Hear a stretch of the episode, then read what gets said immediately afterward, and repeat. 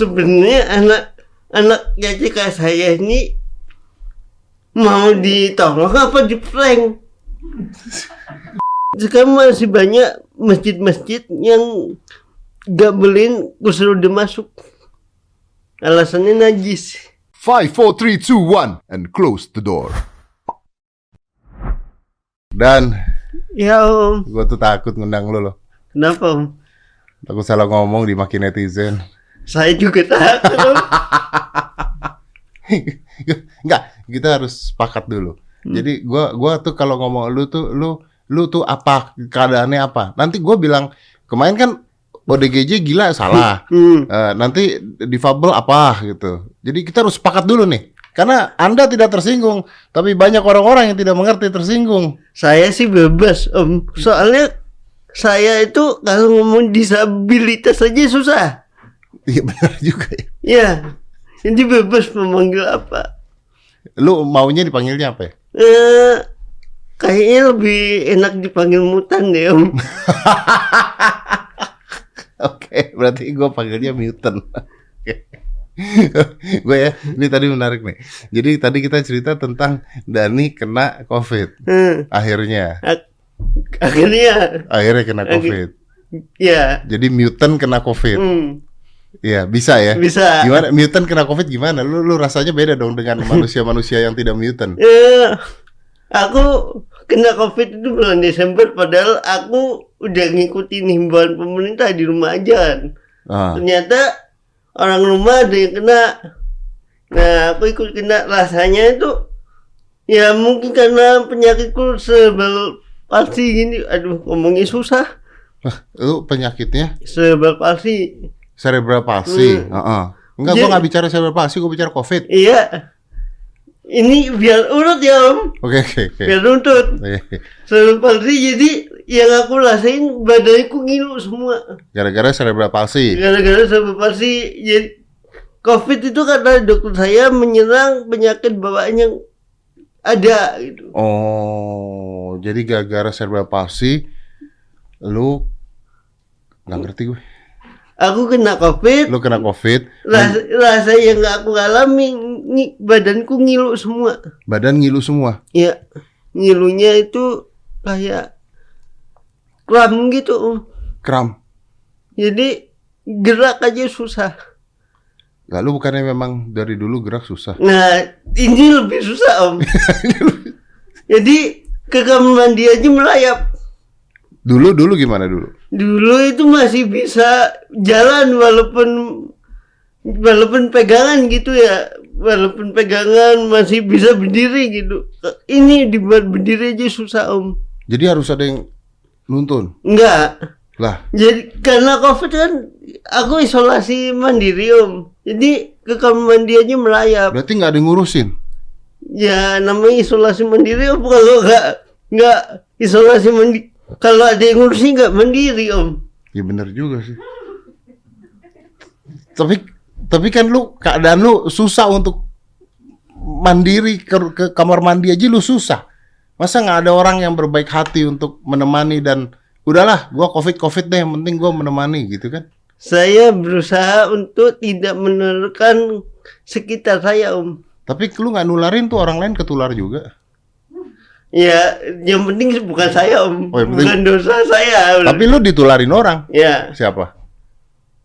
eh, ada tante sama om saya waktu itu bertamu di rumah nggak sengaja dia ternyata mbak kopi Lu taunya dia nggak sengaja deh mana? Ayo. masa sengaja om jadul lu kok tahu dia nggak sengaja gitu? Ya pas itu bertamu Oh, dia tamu nih. Hmm. besok besoknya ternyata tes covid dia om Wah lu stres tuh langsung. Hmm. Ternyata lu kena. kena Tapi selamat, selamat hidup, hidup sehat. nggak sehat juga cacat Oh, iya benar juga. Aduh ini bahaya banget. Dia ngomong enak kan. Kita jawab setengah mati kan nih. Iya, salah kita jawab salah nih.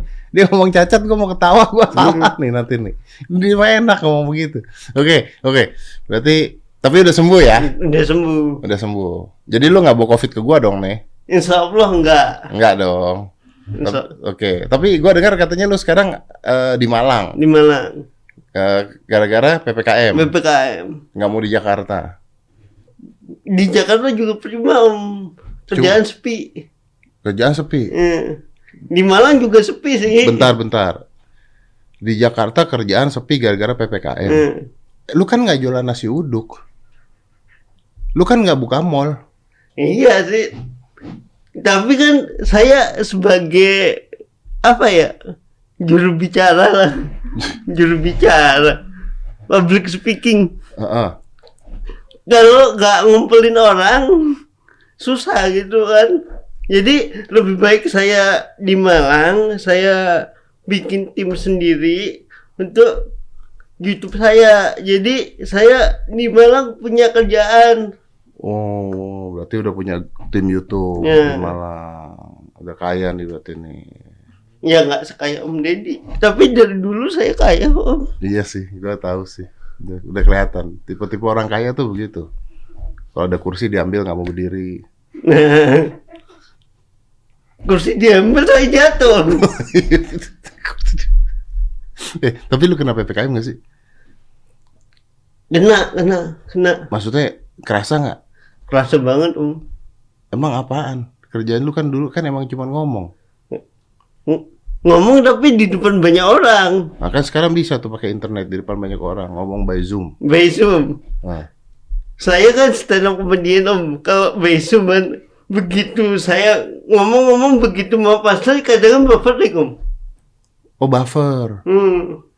Terus kadang ngomong-ngomong begitu pasal kok gak ada yang ketawa ternyata dibuat semua Om. Jadi Jadi- gambarnya gini doang. Ah. Kayak sakit stroke Om. jadi jadi nggak enak ya? Gak enak. Hati nggak enak ya? Jadi kita kan stand up comedian itu biasanya butuh respon Om. Iya benar-benar nggak ada respon nggak nggak dapat eh, impact nggak dapat impact untuk melanjutin dia males. Iya. Benar benar benar benar. Tapi berarti lu di Malang, lu hari ini ke sini buat ke podcast. Wih. Iya. Gue mau nanya jujur. Hmm. Lu hari ini ke sini podcast karena memang pengen podcast atau memang capek di Malang pengen jalan-jalan sebenarnya ke Jakarta? Eh, pengen podcast. Kalau budgetnya kan dari dulu saya gak jalan Om. Iya juga kan salah lagi kan. Bener kan? Kena nih gua, kena sama asosiasi orang tidak jalan satu Indonesia kena nih gua. Kena sih nih, somasi lagi sih urusannya nih. Kena sih ini. Tapi lu pengen jalan Aduh, salah. Lu lu pengen rekreasi berlibur ke Jakarta. Enggak. Lebih baik saya di rumah kalau nggak ada sesuatu hal yang penting, sesuatu hal yang bisa mengisi waktu luang saya. Lebih baik saya di rumah ngikutin anjuran pemerintah karena saya bukan orang yang kerjanya di luar kayak nganter-nganter barang. Saya Ya lu nggak mungkin dong kerja di Iya. luar nganter-nganter barang. Ya lu jangan mancing dong. Lu mancing gua kan ngomong lagi nih. nanti kedapatin orang ya kalau saya nganter-nganter barang. Kan gua kena lagi nih nanti nih. Jadi lu mendingan di rumah. Mendingan di rumah Oke, tapi untuk ini lu ke Jakarta. ke Jakarta. Ngapain di Jakarta? Ya ketemu Om Deddy. Iya kan selain ketemu gua mungkin ketemu sanak saudara, ketemu om tante lu yang ngasih covid. Duduk-duduk aja sih Om. Di Jakarta juga duduk-duduk aja. Repot nih gua sih kena nih bahaya nih ngomong gini nih. Eh, tadi dia sempat cerita ya. Eh, gua nggak tahu dia udah pernah- cerita di tempat lain belum. Harusnya sih udah, cuman gua tadi agak kaget aja. Jadi, eh kursi ini dibenerin jatuh nih lama-lama nih. Ya. Ini mundur-mundur terus, dia pegangan susah nanti. Ini kalau jatuh kerekam gua kena loh. Majuin.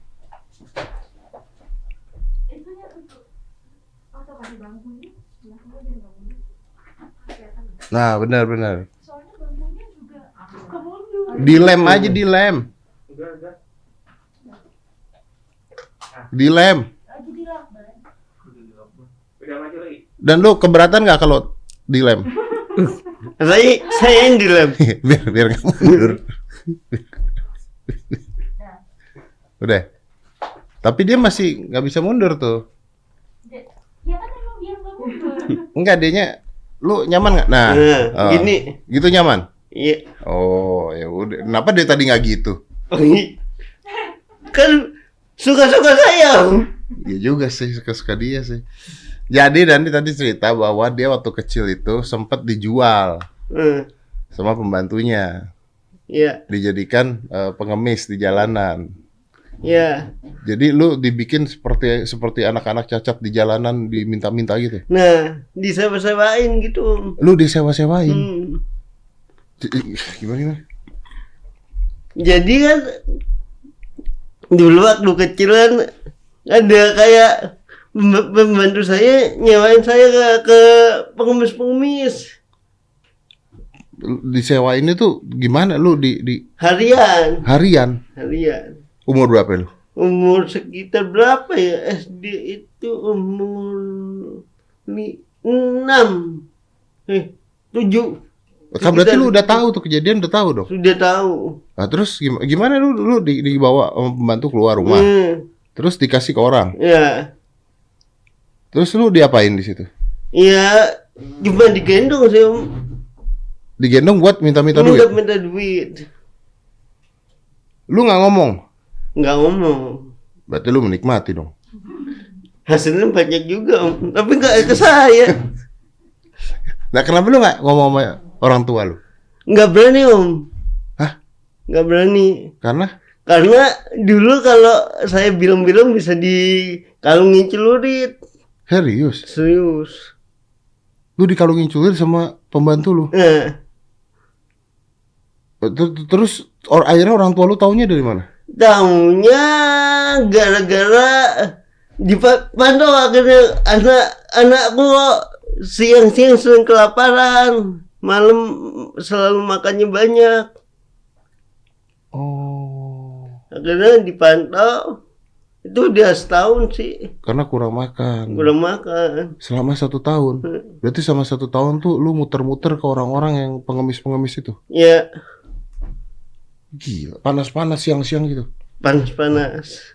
Berarti lu di- digendong terus gimana mereka minta-minta di jalanan? Iya, kasihan buat makan anak saya. Lu dalam hati nggak berpikir apa-apa tuh? Dalam hati, ya takut sih om.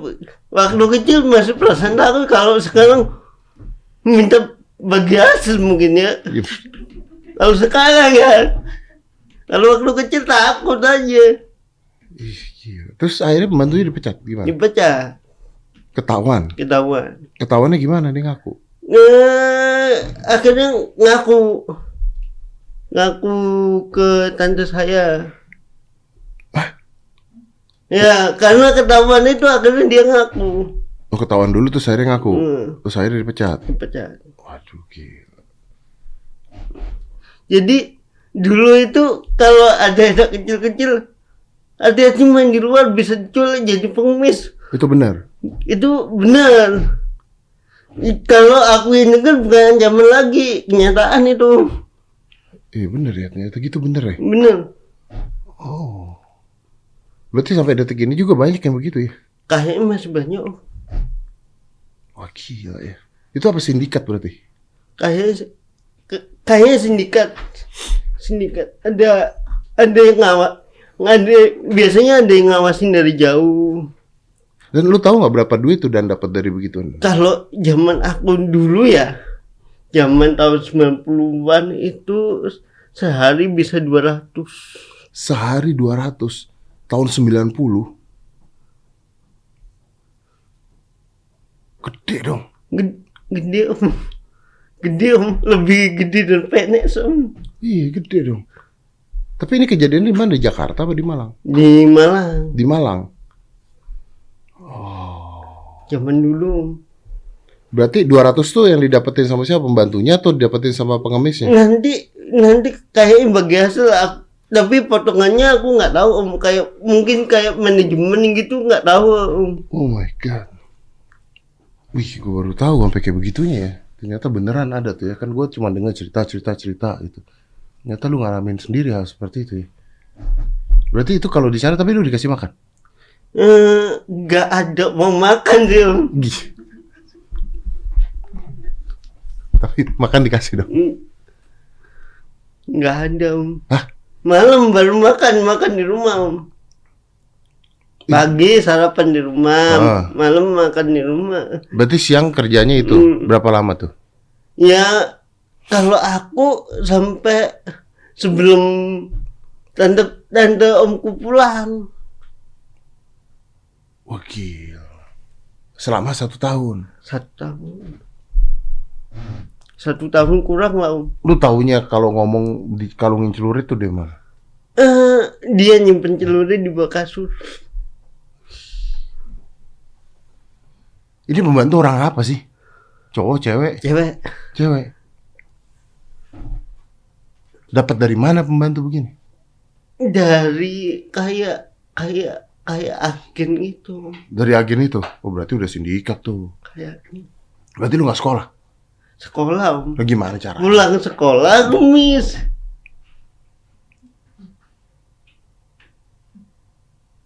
Oh jadi jemput dari sekolah Eh, kerja itu. nah, Terus pulang setelah nanti om sama tante lu mau pulang. ya, Oh, lu tuh tinggal sama om tante. ya dulu di Malang. Eh, bokap nyokap? Kerja dulu. Oh, jadi lu- nah, akhirnya ketahuan tapi sama tante ya. Ya, ya, ya, ya. Oh, gila. Ya, berarti tuh sampai sekarang tuh ternyata masih ada seperti itu tuh ya.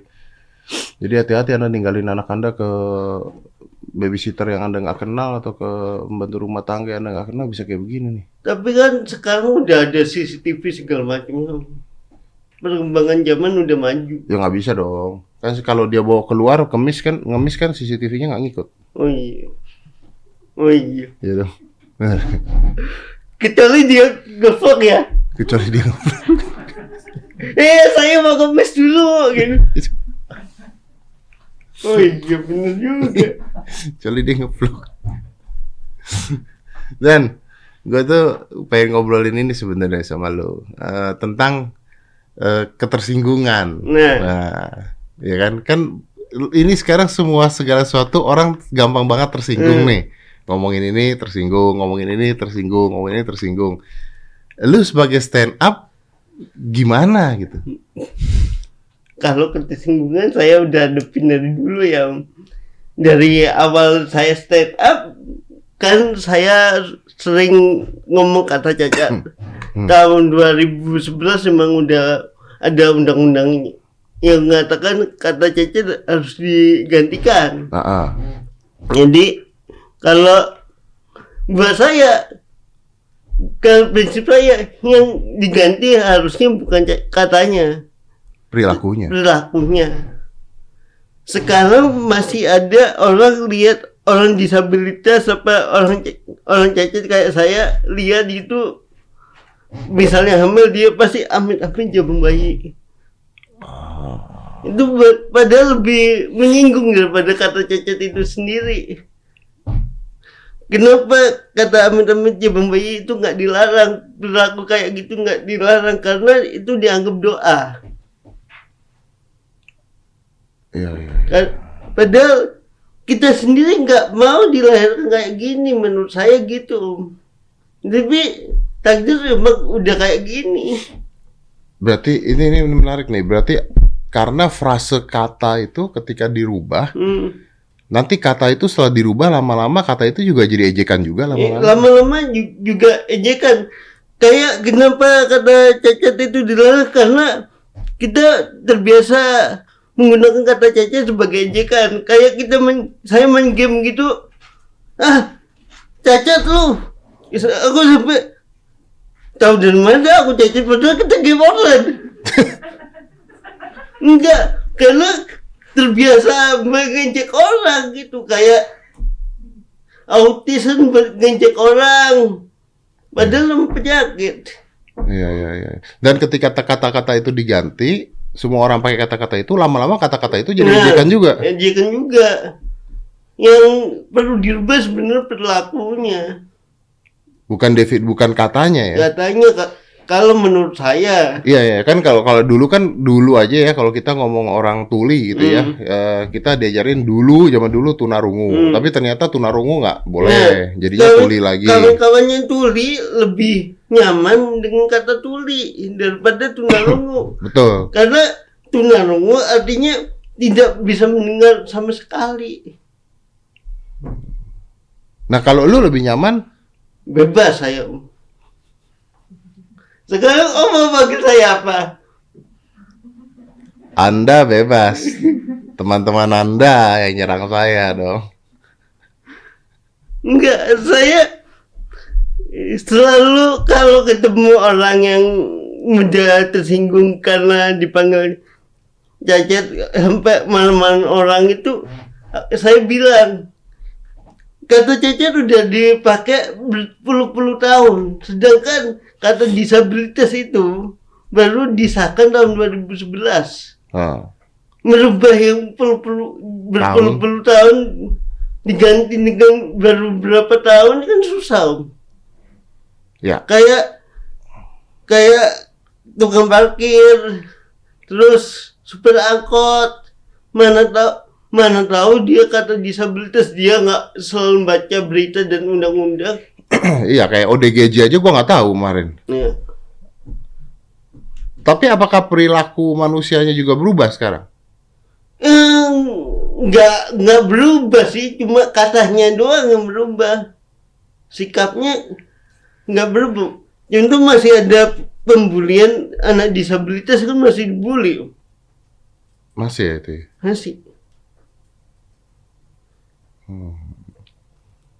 Jadi kalau kata kata mama papa saya ya kita itu nggak bisa ngerubah dunia.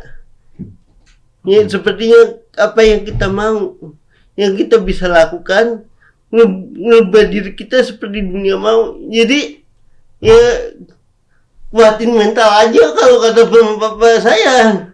Dan lu lu ada proses menguatkan mental itu? Ada. Berarti lu juga sempat eh, merasa ter tersinggung terhina sempat? Sempat. Waktu SD saya pernah dibully sama teman-teman saya pernah dijorokin diludahin pernah. Karena cacatnya? Karena cacatnya. Ngantri di ngantri di kantin gitu dibilang lama terus dijorokin. Jadi yang mama papa lakukan menyadarkan eh, saya supaya gak gampang tersinggung dengan hal itu. Jadi kalau kamu kuat mentalnya kuat kamu bisa ngelawan balik itu nggak masalah. Jadi mama saya ngelatih mental saya ketika dikatain oh kayak topeng monyet lu. Mama saya ngelatih saya kayak gitu juga. Dikatain juga di rumah. Dibully juga di rumah sama mama papa saya. Hah? Iya. Lu sama mama papa lu dibully juga di Iya, rumah? Supaya nguatin mental saya. Walaupun mama papa saya melakukan hal itu malamnya nangis. Tapi mama papa saya sadar. Nggak bisa kayak gitu. Walaupun papa saya diem-diem ngelabrak guru saya di sekolah ya Hmm. kenapa anaknya nggak dilindungi tapi emang nggak nggak bisa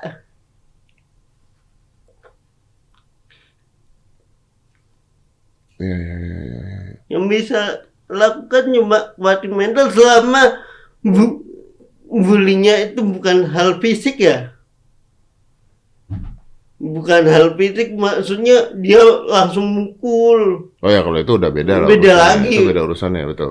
Tapi kalau bulinya dari kata-kata dari verbal, lu harus menguatkan diri lu sendiri. ya.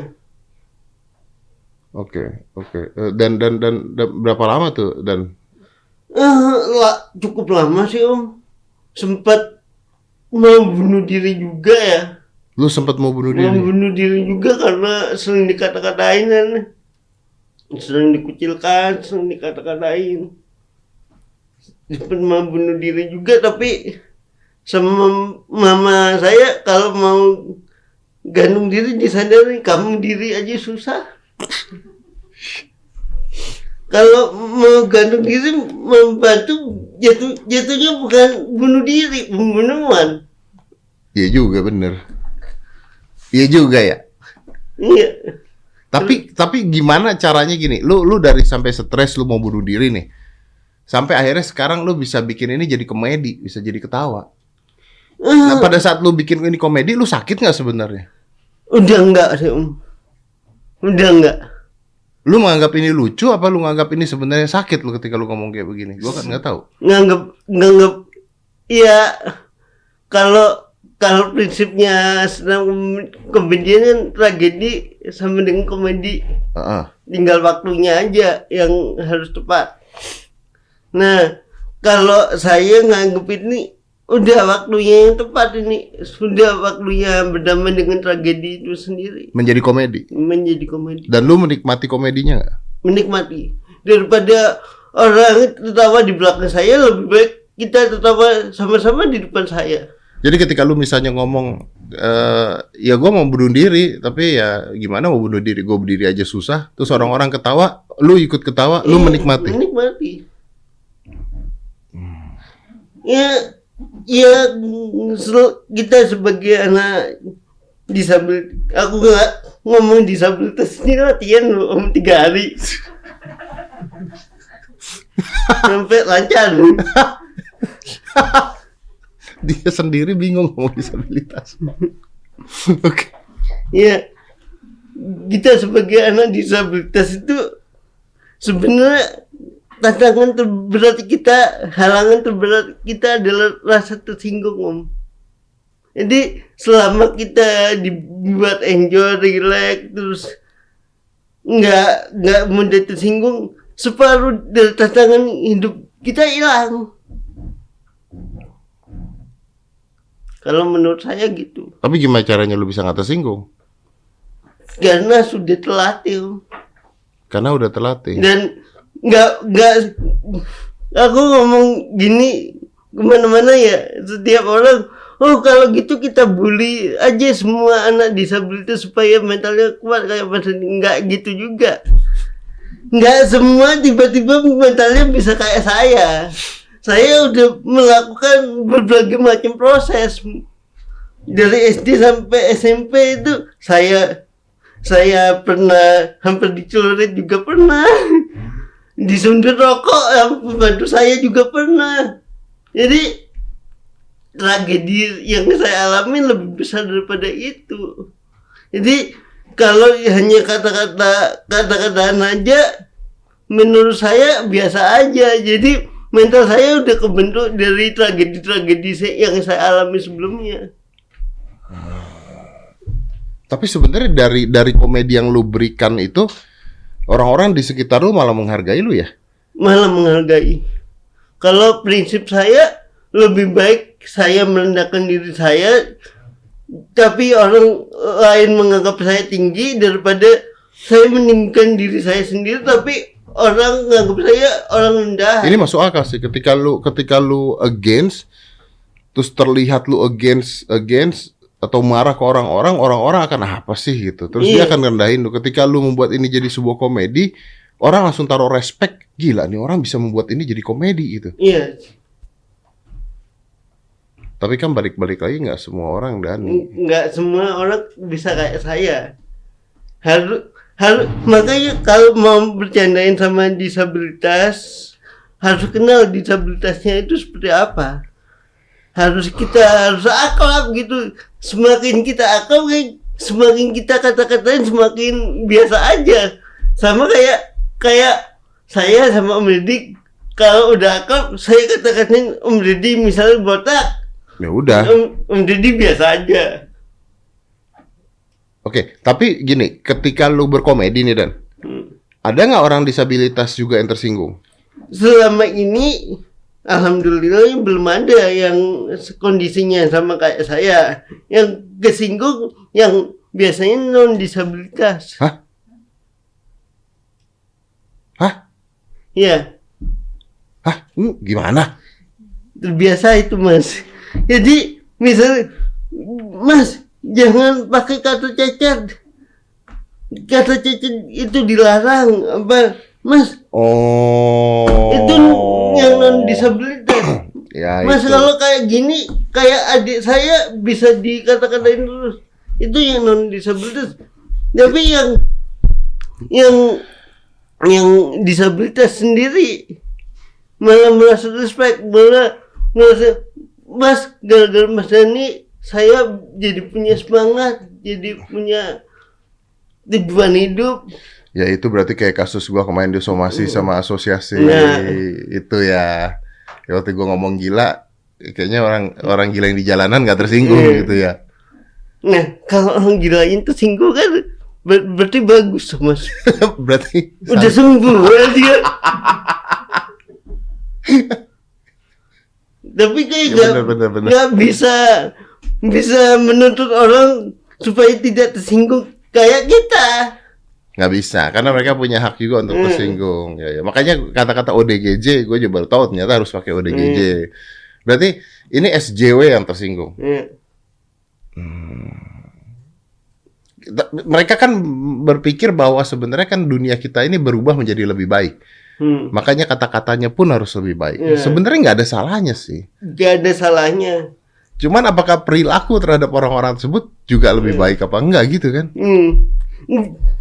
Kalau menurut saya perilaku itu tidak bisa dirubah dengan kata-kata aja. Perlu tindakan juga, Om. Iya, iya, benar benar benar. Contoh gini ya, kayak aku punya teman disabilitas, harus disabilitas nih supaya Supaya aman. aman. Di, punya teman disabilitas, dia punya keterbatasan pakai kursi roda, dia kuliah. Tempat kuliahnya itu nggak nggak ramah disabilitas. Ah, Dia protes, gimana sih kok bisa ram, nggak ramah disabilitas harus harus ramah dong. Ya kan orang pihak yang kampusnya kita nggak punya dana untuk membuat ramah disabilitas. Benar. Ya harus pikirin. Ya misalnya misalnya kita harus mikirin kita sumbang kayak supaya kampusnya bisa bangun yang harap nggak semua semuanya harus dilempar ke pemer- pemerintah pemerintah pemerintah aja pemerintah udah repot sama orang-orang miskin yang nggak bisa makan iya iya iya. makanya isu-isu disabilitas biasanya masih di nomor dua kan Makanya masyarakat atau SJW SJW yang ributin Hmm. tentang kata-kata yang berubah, kata-kata yang harusnya begini dan begitu, nggak usah ngeributin kata-kata, tapi juga ngebantu orang-orang Nah. tersebut. Ya, bantu tuh kampus tuh, ya kan, supaya yang naik kursi roda Hmm. mungkin ada eskalator. Iya. Eskalator sama aja. Kejengkang-jengkang juga. Tapi sampai dong. Lift, lift, Om. Oh, Ya. iya. Nah, aku pernah ketemu seorang dosen ya, Om. Dia dia ngeluh pemerintah itu anu menyuruh kita untuk menerima anak disabilitas disabilitas terus kampusnya menerima anak disabilitas mental tapi terus disabilitas tuli juga tapi nggak nggak nggak nggak kasih biaya untuk pendidiknya untuk belajar bahasa isyarat Mampus lu gimana caranya? nggak ngasih dana untuk pendidiknya supaya bisa ngatasin anak disabilitas disabilitas mental gitu Ya nggak bisa dong. nggak bisa makanya mereka ngeluh Ini ini gue juga baru tahu. Jadi pemerintah minta kampus-kampus untuk menerima anak-anak disabilitas. Hmm. Tapi kampusnya sendiri tidak di-provide orang-orang yang mengerti tentang anak-anak disabilitas. Ya. Jadi ketika mereka ngomong sama orang tuli, mereka nggak tahu cara ngomongnya sama orang tuli. Ya aja bohong. nah itu Waduh, lu kampanye dong. ya, selama ini saya kampanye tapi lari komedi om Ya, ya, ya. lebih kalau menurut saya lebih Ada yang dengar nggak? lebih ada yang dengar Pemerintah dengar nggak? Selama ini alhamdulillah ada sedikit perubahan dari pemerintah-pemerintah untuk kampanye-kampanye saya. Kepentingan-kepentingan lu. Hmm, kampanye-kampanye saya untuk anak disabilitas gitu. Apa contohnya? Contohnya dulu waktu saya saya protes rekomendasi WC anak disabilitas nggak susah dikunci dan segala Oh iya iya macamnya. iya, iya, yang, yang ditarik yang apa segala itu. ya? Itu ber- beberapa bulan kemudian ada beberapa gedung yang ngebedain toiletnya. Oke, kalau sekarang yang paling penting buat orang-orang disabilitas seperti lu apa yang dirubah? Eh, kalau kalau saya ya untuk anak disabilitasnya sendiri, kalau infrastrukturnya udah mungkin udah bisa berubah banyak, tapi untuk sikap orang-orang terhadap disabilitas, Wah susah dong, berarti sifat nah, dong. nah sikap. Contohnya saya punya teman disabilitas, dia itu punya pacar ya, punya pacar, pacarnya udah terima. Orang tuanya enggak. orang tuanya nggak terima karena disabilitas. Tapi menurut saya kan sebenarnya cinta itu nggak mengenal kata cacat. Kalau cinta ya cinta.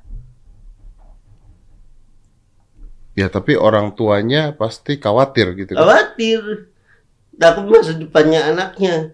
Sel- selama anaknya mau dan selama selama anak disabilitasnya sanggup ya ngapain dilarang bener kan Tapi kan ini kan sebenarnya bukan hanya masalah disabilitas ya kalau kayak begitu ya. Orang tua kan ketika anaknya pacaran beda ras, beda agama aja juga udah Hmm. udah udah panjang tuh. Ya. Apalagi ini dilihat terus disabilitas, mereka mikir apakah turunannya nanti begitu, begitu kan Nah, larinya kan. ini larinya ke situ. Padahal sebenarnya kan banyak anak disabilitas yang sebenarnya penyakitnya tidak menular. Gak kayak COVID. Iya benar. Menurun nggak tapi bos? Eh, ada yang beberapa menurun tapi cuma ber- berapa persen tapi kebanyakan tidak menurun. Kebanyakan nggak menurun. Oke. Nah, lu lu sendiri kalau sekarang dalam keadaan seperti ini pernah dipakai sama pemerintah untuk Hmm. campaign?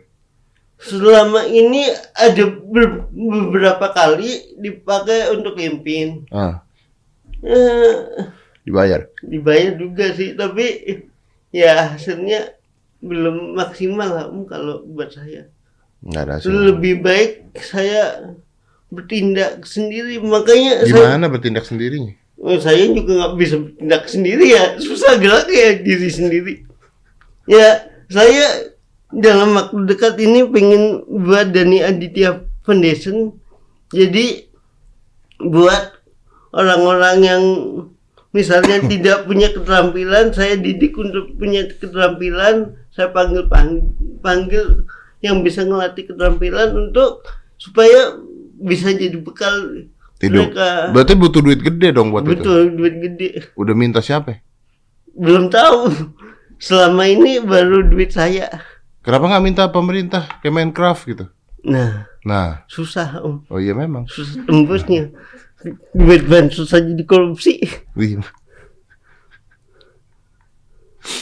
apalagi buat kayak apalagi gini duit beginian gitu ya. Iya sih.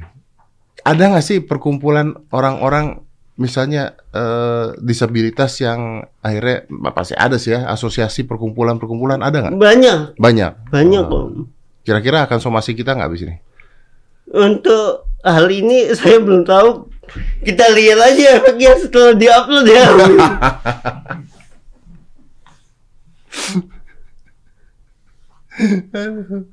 Oke oke oke oke oke oke. Gue seneng banget sih soalnya karena dari kemarin tuh memang kita ngebahasnya kayak begini ya ketersinggungan komika tuh sekarang susah kan? susah Susah untuk ngomong apa aja susah. suruh komedi yang aman. Nah, komedi, komedi yang aman tuh gimana coba? nggak tahu. Komedi yang aman mungkin komedi yang bahas-bahas polisi kan apa nggak juga sih. Enggak juga dong. nggak juga. Nggak ada komedi yang aman soalnya setiap orang itu punya nilai tafsir yang berbeda dari kata-kata orang gitu. Iya benar. Dan lu sendiri berkomedi aman karena lu dalam keadaan seperti itu. Ada, kalau misalnya ada orang lain berkomedi tentang kecacatan atau kedisabilitasan orang lain jadi tidak aman dong. Iya. Ya resiko masing-masing. Saya aja kadang nggak aman om. Saya sering diserang. Tapi untungnya saya punya alasan yang kuat untuk berkomedi seperti itu. Apa? Alasannya kuat supaya mental setiap orang kejaga gitu. Men, terutama terutama saya kan punya keluhan-keluhan tentang disabilitas supaya orang campaign dengar dari campaign-campaign saya Hmm. Iya, iya, iya. kesusahan-kesusahan dari anak-anak disabilitas kayak saya Dan dari karya. dari karya Lu baru bikin lagu rap kan? lagu rap Gimana sih Tia lagu rap dia bikin lagu rap? Ini pengen nanti kena lagi nih gue nih. Mulut udah mau. Jadi difabel pertama yang nyanyi lagu rap di Indonesia. Dani difabel pertama yang nyanyi lagu rap di Indonesia. Ya karena dia aja yang ngaco. karena iseng 99 ribu sekarang yang nonton. Berapa? 99 ribu. Wih. Coba Tia, Tia putar Tia. 99 ribu dengar suara saya yang nggak jelas Lu bisa nge-rapnya nggak? Eh, insya Allah Apal nggak? nggak apal juga Ya gimana sih? Lagu rap Eh, ini ditaruh di YouTube. ditaruh di YouTube Lagu rap. Lu nggak siapa yang buat? Eh, yang nu- nulis lirik saya, Ah. tapi yang ngaransemen musik ada rapper Malang namanya Mofos. Ah, judulnya Relax. Relax. Artinya? Ya relax. Iya. Nggak buat apa gitu maksudnya? Oh, wih. Tuh Dan bisa berdiri Dan. Mungkin om. Tapi ini lagu buat siapa, Bos? Buat yang dengerin. Iya, tujuannya buat siapa coba? Tujuannya ya buat saya om. Enggak maksud gue tujuannya buat buat apa nih? Buat orang yang membuli atau buat Buat orang-orang yang orang dibully. orang-orang yang dibully? Hmm, biar kuat mentalnya. Mungkin kalau aku ceramah kayak gitu bilang ah lu aja yang bisa kayak gitu naif lo nggak semua orang kuat tapi jujur setiap orang pasti pernah dikata-katain setiap orang itu Ya nggak perlu orang difabel nggak atau perlu cacat. orang difabel Hmm. kayak kayak contohnya nabi aja dulu dikata-katain Eh, tinggal lu kuat apa enggak ketika Iya. lu dikatain ketika lu bisa balikin itu jadi positivity apa enggak gitu ya. Kalau bisa jadi positif ya bisa kayak lu Iya. gitu ya. Dan apa yang belum kecapaian dan sekarang dan? banyak sih om contohnya anu menjual karya-karya anak disabilitas lain om yang banyak anak disabilitas lain yang sudah berkarya tapi belum bisa ngejualnya om. Berarti banyak anak-anak disabilitas lain yang nggak seberuntung lu. ya banyak. Saya pingin membuka foundation itu supaya anak-anak disabilitas lain juga bisa berkarya. Iya bisa menghasilkan karya gitu bisa dijual. Dan uangnya bisa buat saya. Manajer, manajer, manajer teman-teman disabilitas. Ya betul betul betul. betul. Ya, ya, ya, ya. Oke, ini gue belajar banyak hari ini ya. Gue belajar banyak tentang ketersinggungan. Gue belajar banyak tentang anak-anak disabel. Gue belajar banyak tentang gimana kita tidak hanya perlu memikirkan perubahan kata-kata atau kalimat, tapi perilaku gitu ya. Sebenarnya kalau kalau cacat tetap aja kata-katanya cacat, tapi eh orang cacat tuh, yuk kita bantu rame-rame. Nggak apa-apa tuh jadinya kata cacat kayaknya. Iya kayaknya nggak apa tapi belum kata cacat itu biasa dibuat hinaan Iya, jadinya jadinya jadi negatif. negatif kayak kata lonte diganti jadi pelacur diganti jadi PSK Sama aja. sama aja di ini negatif kan Ending-endingnya jadi negatif juga. Naik harga nggak tuh? tergantung dari ospek enggak Oh iya betul. Tergantung kelas juga Oke Dan. Dan tapi gua tuh salut sama lu dari dulu salut banget. Kita udah ketemu berapa kali. Gua pertama kali gua ngeliatin lo tuh gua nonton dari YouTube awal-awalnya ketika lu di mana Suci ya? Suci. Ketika gua di Suci yang gua gua nontonin yang lu apa yang tawuran lah apalah jokes-jokes itu dulu. Udah gitu terus kita ngundang ke hitam putih. Udah gitu pernah juga waktu di eh, di gym ya. Hmm. Di gym yang wah itu konten bahaya padahal ya. Baik. Wah. Bahaya sebenarnya. Tapi insya Allah aman lah om. Kayaknya waktu itu masih belum se Belum semengerikan ini. belum semengerikan ini ya. Itu jelas-jelas ada orang difabel dikunci di sauna. itu bahaya itu. Tapi lucu banget sih om. itu itu bahaya banget. Iya tapi belum separah ini, belum Iya. separah ini. Ya tapi sekarang ya ya nggak tahu lah gue larinya mudah-mudahan ya jadi lebih bagus aja. Memang kalau tujuannya jadi lebih baik ya silakan. Tapi Hmm. perilakunya dirubah. Nih Dani dari tadi mengatakan perilaku yang harusnya dirubah. Perilaku utama itu perilaku. Iya, amit-amit jabang bayi, nah megang-megang perut kayak gitu. Terus kalau misalnya ngeliat ada orang cacat atau difabel, bantu. Bantu. Gue sih lebih baik misalnya ada orang cacat terus gue, eh ada orang cacat tuh, terus rame-rame datang bantu daripada eh ada orang difabel tuh tapi kita tinggal. Nah, Cuman beda kata tapi nggak beda perilaku, bener kan? iya. Ya, orang kalau ngelihat kayak saya disabilitas kayak saya pakai kursi roda bawaannya pengen nyumbang. Gimana gimana? Bawaannya pengen nyumbang kan? Karena eh, maksud mereka anak disabilitas itu nggak bisa apa-apa Ya, ya, ya. yang harus disumbang. Ah, Kan, Harusnya gimana? dong? Ah, dibantu aja seminta ya mereka. Nggak perlu. Saya pernah ya ke masjid pingin sholat jumat doang. Tiba-tiba ada nyumbang om. Oh dikira lu pengemis gitu? iya dikira pengemis.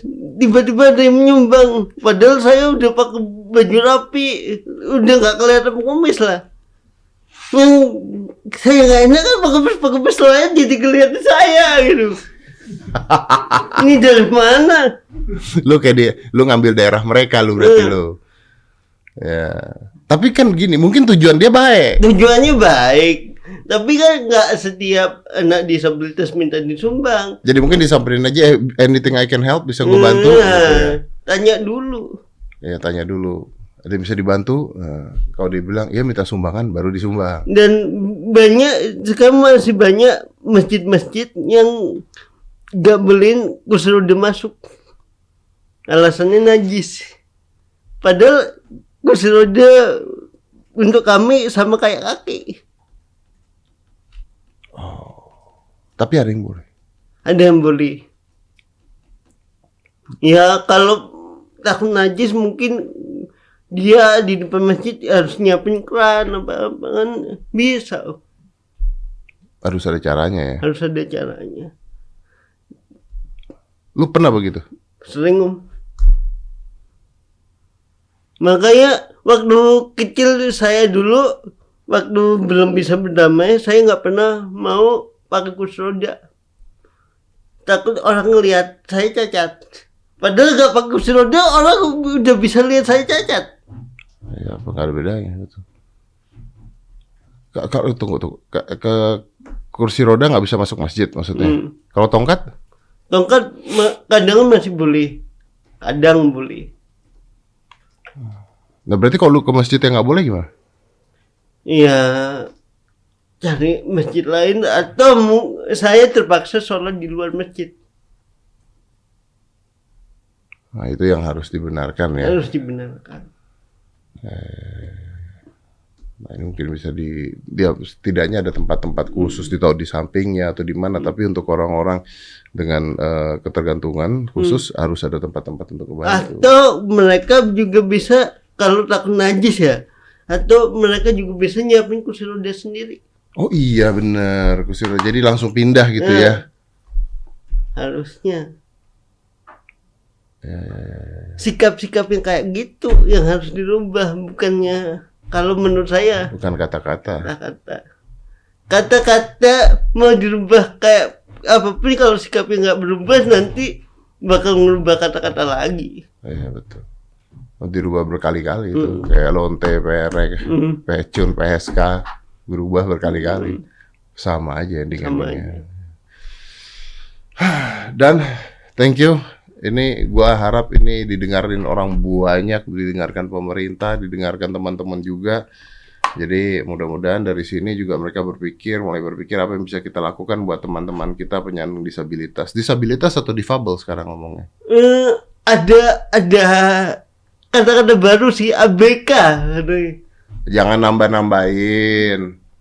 Iya ada yang baru om. Apa BK? Anak berkebutuhan khusus. Oke, anak berkebutuhan khusus. Ada yang baru. Jadi Saya ABK. juga bingung ini. Anda mau ikutin yang mana? Makanya saya bingung om. Sebenarnya anak anak kayak saya ini mau ditolong apa di prank? Kata-katanya berubah terus. Udah latihan berhasil disabilitas berubah lagi.